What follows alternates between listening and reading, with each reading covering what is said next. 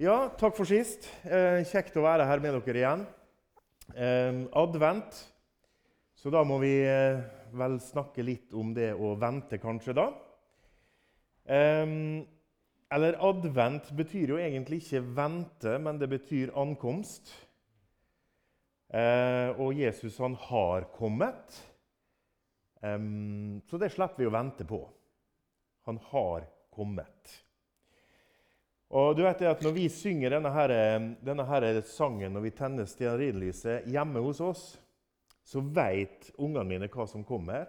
Og de liksom sier at ja, det er hvert år så kommer pappa til å si det. Bare vent nå, så sier han det. Vi venter ikke på det lille barn.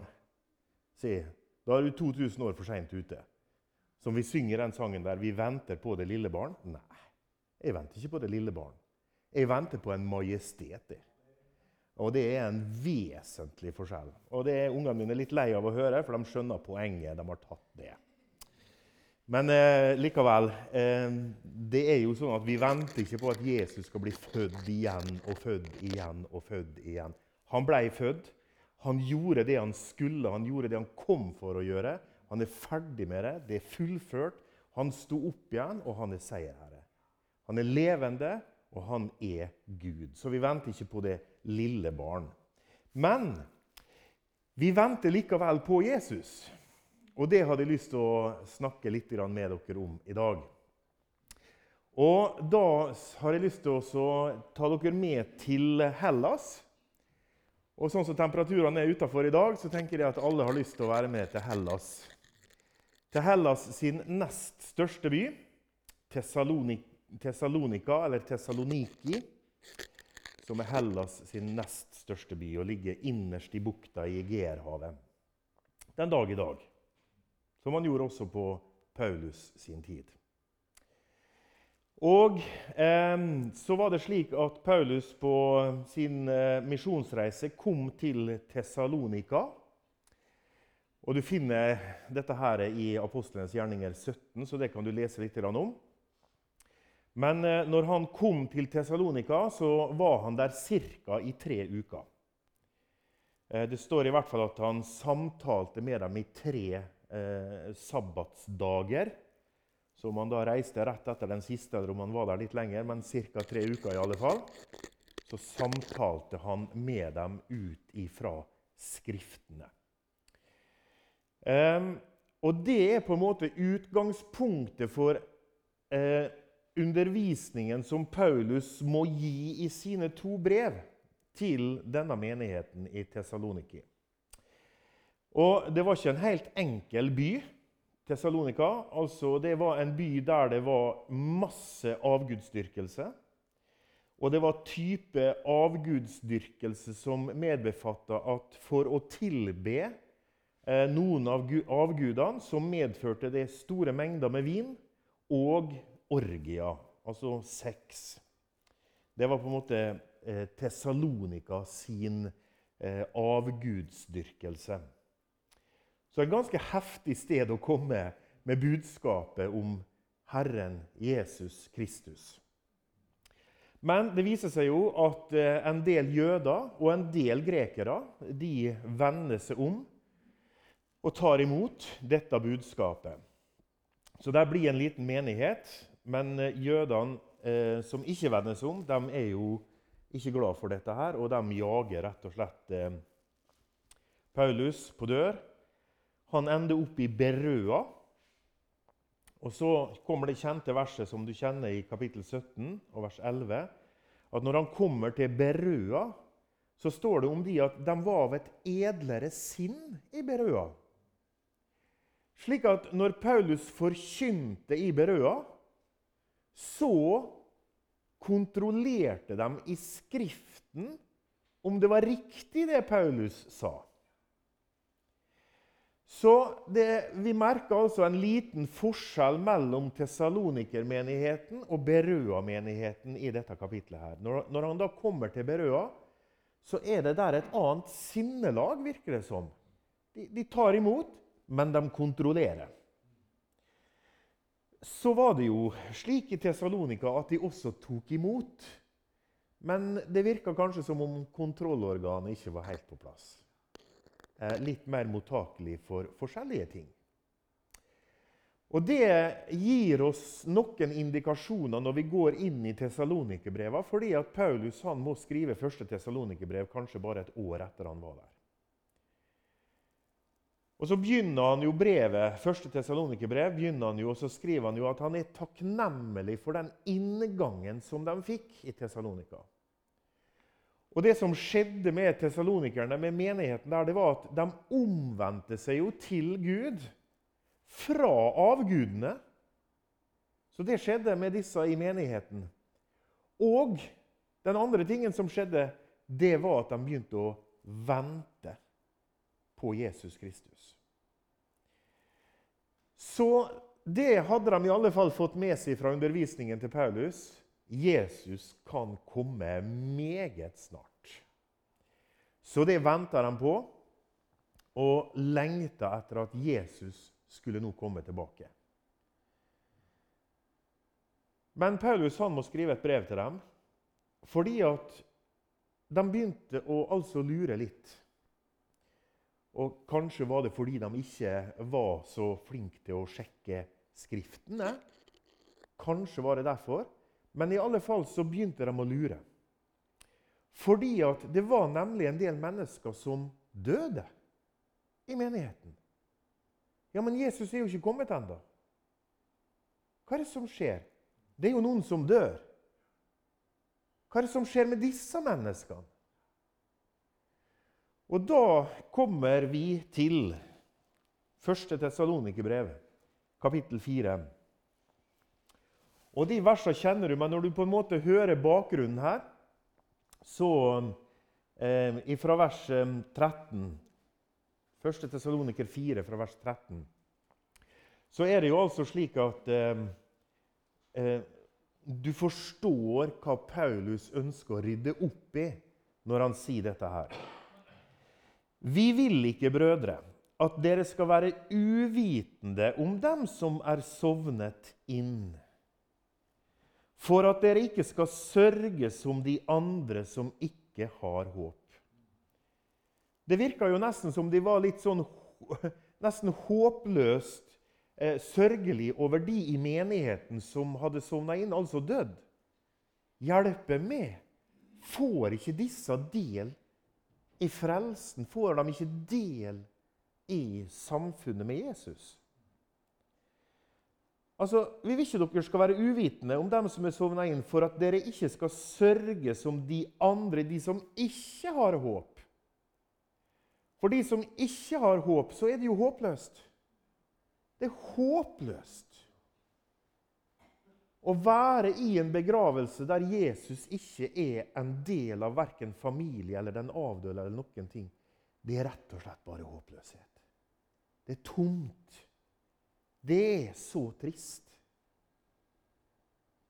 Men Paulus han forklarer altså til tesalonikerne det er ikke slik for oss de som nå er avdødd, de som har sovna inn, de er ikke håpløse. Hør nå. For så sant vi tror at Jesus døde og oppsto, så skal Gud ved Jesus også føre dem som er sovnet inn, sammen med ham. Så det er ingenting å sørge over på samme måten som de som er håpløse. Disse som er sovna inn, som Bibelen bruker om, om legeme når legeme er dødt Sjelen går jo i samme øyeblikk for å være hos Herren, som Paulus sier.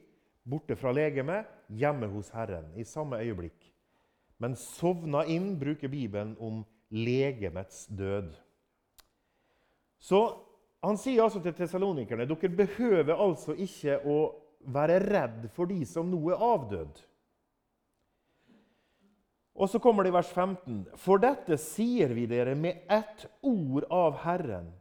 Vi som lever og blir tilbake, inntil Herren kommer. Altså Det er noen av oss som skal oppleve at Herren kommer. Det er noen av oss som ikke skal oppleve døden. Vi som lever og blir tilbake. Og Paulus inkluderer seg sjøl. Han har en forventning. Vi som lever. Inntil Herren kommer, vi skal aldeles ikke komme i forveien for dem som er sovnet inn. Så du skjønner det at de, de hadde egentlig snudd det litt opp ned. dem. De tenkte det at de som var avdøde, de ble jo forsinka. De fikk jo ikke være med når Herren kommer i sin bortrykkelse. Men han sier at det er ikke sånn. For Herren selv skal komme ned fra himmelen med et bydende rop, med overengels røst og med Guds basun. Og de døde i Kristus skal først oppstå. Så i det øyeblikket når Herren kommer ned i lufthimmelen, og han roper, så blir altså alle de frelste sjeler blir gjenforena med et legeme som er feilfritt og reist opp ifra grava av den evige Gud, og som jeg gleder meg. Ikke bare til å bli 30 kg lettere, men bli 30 år yngre. Men det er en realitet. Vi ler litt av det, for det virker litt uvirkelig, men det er en realitet. Et perfekt legeme, folkens. Vi skal bli Jesus lik. Science fiction, spør du meg. Men det er altså rett. Det er sant. Og så forklarer han her til tesalonikerne at de døde i Kristus skal først oppstå, men dette her går så fort at vi vil ikke liksom se at her begynner ting å skje, og her skjer det ting ute på, på um, gravstedet. I et øyeblikk, i et nu, sier 1. Korinterbrev 15. Pang, så skjer det. Så kommer Herren ned fra himmelen med et bydende rop. Og du skjønner det at Jesus sin røst, hans ord, har en sånn makt og en sånn kraft. Det er skaperkraft. Det er han som har skapt alle ting ved sitt ord. Og det er Noen som har sagt det slik vet du, at når Jesus skulle rope 'Lasarus, kom ut' Han sto der på gravstedet. Så var det jammen bra han sa 'Lasarus'. Hadde han sagt 'kom ut', så hadde de jo kommet hele gjengen på gravstedet. Og det er det som skjer denne dagen her. Da kommer Herren ned i lufthimmelen med et bydende rop. Kom opp her. Som han sier til Johannes i Johannes' åpenbaring, kapittel 4. Kom opp her. Det er altså et bydende rop som har en enorm kraft. Og deretter skal vi som lever, som har blitt tilbake, som altså ikke er, er avdødd, men som, som, er blitt tilbake her på jorda, da, i live Vi skal sammen med de rykkes opp i skyer, opp i luften, for å møte Herren. Og for et møtested! Hvem er det som har hovedkvarteret i lufthimmelen? Hva sier Fesebrevet? Vi har ikke kamp mot kjøtt og blod, men mot åndsmakta i himmelrommet. Og midt i Satans sitt hovedkvarter der kommer altså seierherren fra Golgata. Og Satan på bare skyggebanen, for her skal brudgommen møte sin brud. Midt i lufthimmelen. Der kommer han. Og så skal vi for alltid være sammen med Herren. Trøst da hverandre med disse ord. For en dag! Dette venter jeg på. Dette gleder jeg meg veldig til. Og Jeg kan bare lese til dere da, sånn raskt fra 1. Korinterbrev 15. Så står det om denne begivenheten at 'jeg sier den, det er en hemmelighet'. Dette her, dette her, har ikke Gud talt om før. Gud har ikke talt åpent om bortrykkelsen verken i Det gamle testamentet eller i de fire evangelia. Vi skal ikke alle sovne inn. Så det er ikke alle av oss som skal oppleve det og gå gjennom døden. Men vi skal alle bli forvandlet. Det er felles for hele gjengen. Vi skal bli forvandla. Og som Johannes eh, sier i sitt eh, første brev, i kapittel 3, så sier han det at vi er nå Guds barn. Men vi vet ikke hva vi skal bli. Men vi vet at vi skal bli Han lik. Vi skal bli Jesus lik, altså. Så vi skal bli forvandla. Og jammen er det bra, for denne her kroppen den går utfor bakke. Den blir gamlere og gamlere og dårligere og dårligere. Sant? I et nu, i et øyeblikk, ved den siste basun, for basunen skal lyde, og de døde skal oppstå uforgjengelig. Hva betyr det å være uforgjengelig? Jo, det betyr at du aldri skal forgå. Du er ikke forgjengelig lenger. Og vi skal bli forvandlet for dette forgjengelige. Altså, legemet mitt er forgjengelig. Dette forgjengelige må bli ikledd uforgjengelighet. Og dette dødelige må bli ikledd udødelighet. Det er det som vi venter på, folkens. Vi venter på at vår brudgom skal komme og hente oss. Men så hadde altså Paulus skrevet dette da, til tessalonikerne. For at de skulle forstå litt mer av hva som skjedde. Men så kommer det altså inn noen som kommer med et annet budskap, og som roter det litt til for dem igjen. Og så må Paulus skrive et nytt brev for å hjelpe dem på plass. Og Da går vi til 2. Tesalonikerbrev og kapittel 2. Så skal vi lese litt fra begynnelsen der og utover. Så skriver Paulus.: Vi ber dere, brødre, når det gjelder vår Herre Jesu Kristi komme og vår samling hos ham. Det er altså overskriften hans. Når det gjelder dette med at Jesus skal komme tilbake, og vår samling hos ham, la dere ikke så snart drive fra vett og sans. Så det virker som det er noen som er inne og driver dem litt fra vett og sans her. Og så fortsetter han La dere ikke skremme. Ja vel? Det er noen som skremmer med et eller annet. altså Et annet budskap enn det som han har kommet med. Både når han var der, og i sitt første brev. Nå må ikke dere bli skremt. Verken ved noen ånd, eller ved noe ord, eller ved noe brev som sies å komme fra oss. Så det er altså noen som sier de har en åndsåpenbaring. Men det er feil, det de kommer med. Det er noen som forkynner et ord, men det er feil, det de kommer med. Og det er til og med noen som kommer med et brev som de påstår kommer fra Paulus. Nei, sier han. Ikke la dere drive fra vett og samling her. Og, som, altså, og disse budskapene går ut på at Herrens dag allerede er her. Herrens dag er jo den store trengselstiden som rammer denne verden. Guds enorme, fryktinngytende dag, som er starten på riket for Israel. Altså, La dere ikke lure. Når det gjelder det med Jesu Kristi komme, så må dere ikke la dere lure til at Herrens dag allerede er her, eller har begynt.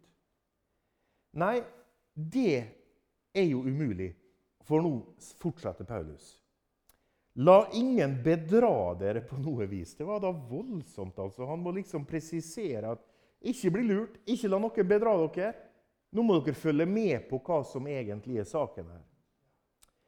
For først, før Herrens dag virkelig trer på banen Ikke før Jesu Kristi komme, eller før bortrykkelsen. Det er ikke det han sier. Men før Herrens dag er her, så må frafallet komme, og syndens menneske bli åpenbart. Fortapelsens sønn, eller antikrist. Han er den som står imot, og som opphøyer seg over alt som blir kalt Gud eller helligdom, så han setter seg i Guds tempel og utgir seg selv for å være Gud.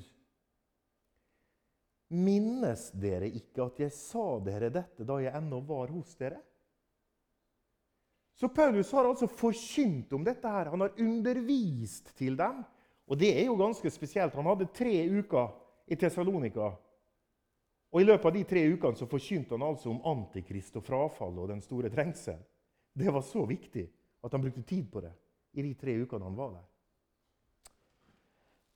Så han, dere må ikke, sier han, la dere drive fra vett og sans her om, om, noen prøver å fortelle dere at Herrens dag allerede er her, og at Antikrist er kommet på banen.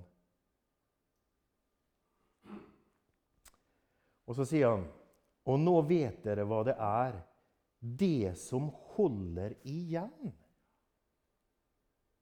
Det er spesielt. Antikrist er altså Satan inkarnert. Det er Satan som virkelig skal utfolde seg her i denne verden. Det er Satan sin kraft og sin ånd. Hvem er det som kan holde Satan igjen? Og nå vet dere Det var jo trist han ikke skrev det her. Veldig irriterende at han ikke skrev det helt i klartekst. For han sier dere vet det jo, dere i Tessalonika, for dette her forkynte jo for dere. Hva er det som holder igjen, slik at han, Antikrist, først skal bli åpenbart når tiden er inne til det? For lovløshetens hemmelighet er allerede virksom. Ja, det merker vi. Satans ånd er virksom. Lovløsheten er virksom i verden. Men Antikrist har ennå ikke tredd frem på banen. Bare at han eller den kan oversettes begge deler som nå holder igjen, må bli tatt bort. Hva er det som har en slik kraft og styrke her på denne jord at det må bli tatt bort? før Antikrist, Satans ånd, virkelig kan innta denne verden. Hvilken kraft er det? Så er det forskjellige teorier om det. Noen har forsøkt seg om, eh, altså på denne tiden om det var den romerske lov og orden. Eller de lover og retningslinjer som vi har i verden. Det er liksom det som holder Satan tilbake.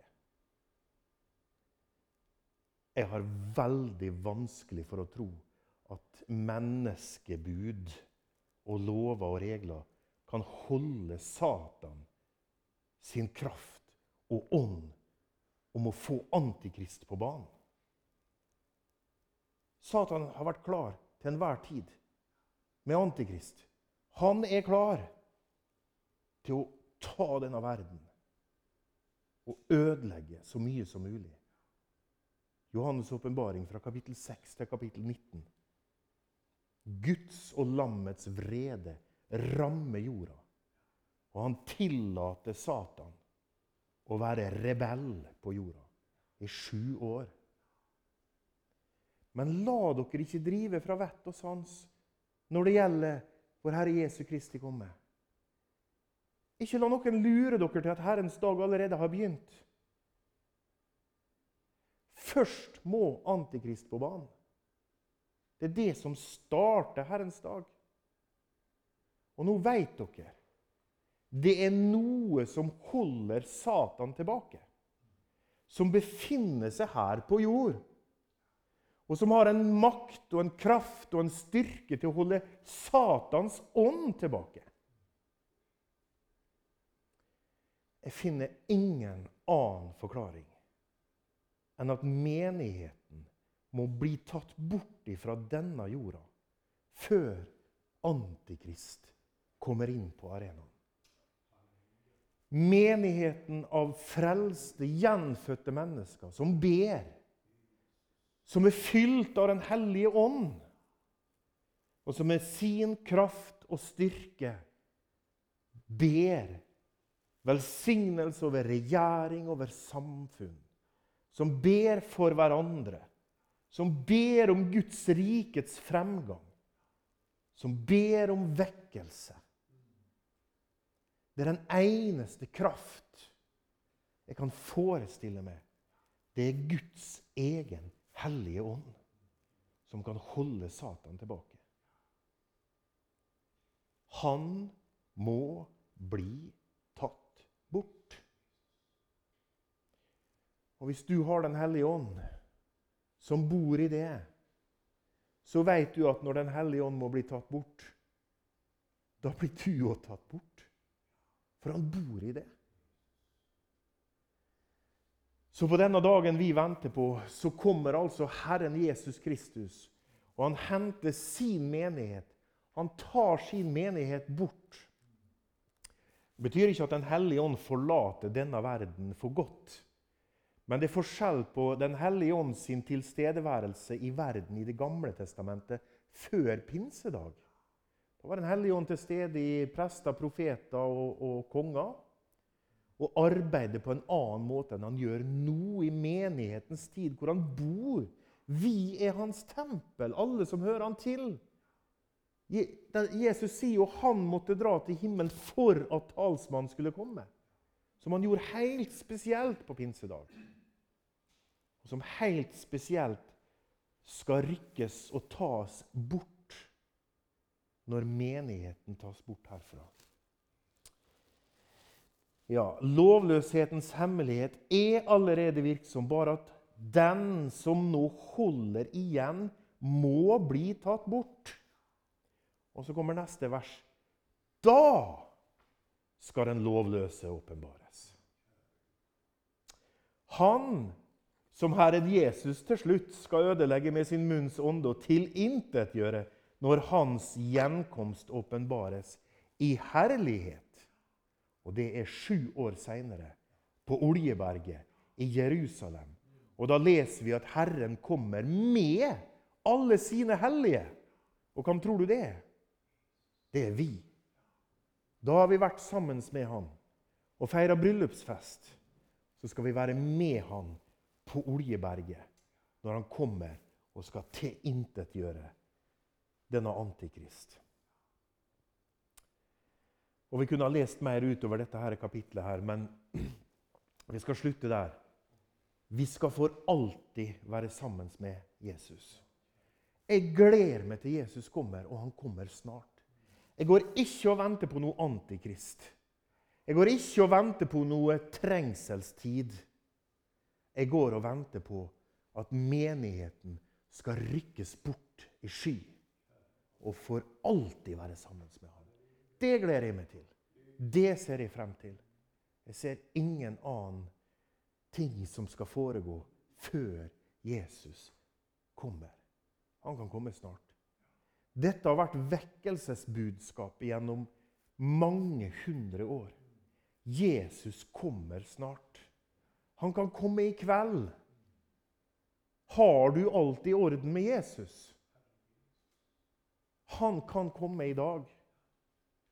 Jesus kommer veldig snart. Og For det som er interessert i det profetiske ord, og leser, følger med i tiden, så ser du sannelig Så nærme har vi aldri vært før. Nå legger det tingene seg til rette de tinga som skal skje i trengselstiden, de er nesten allerede på plass.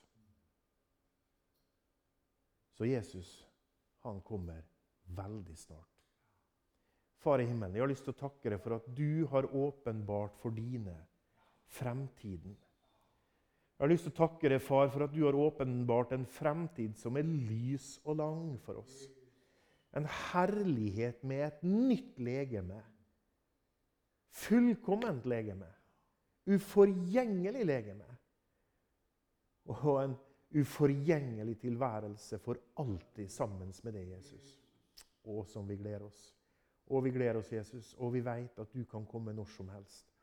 Du kan komme og hente din menighet med et bydende rop midt i Satans hovedkvarter, i lufthimmelen. Og så skal alle reises opp med sine nye kropper, og vi som er i live vi skal bli forvandla. Og så skal vi være sammen med det for alltid, Jesus. Og vi gleder oss. Men hjelp oss, Jesus, til å få flere med oss. Det går så fort nå, Jesus. Det går så fort før du kommer. Vi ser på verden at lovløsheten er voldsomt virksom. Så Jesus, du kommer snart. Hjelp oss å få flere med oss. Hjelp oss å vitne om det, Jesus. At flere måtte gi sitt liv til det og bli født på ny og få Den hellige ånd til seil og pant, så de blir med den dagen du tar Den hellige ånd og rykker menigheten bort fra denne jord. Det ber vi om. Takke for at ditt frelsesverk er så fullkomment at alle som vil, kan få være med. Amen.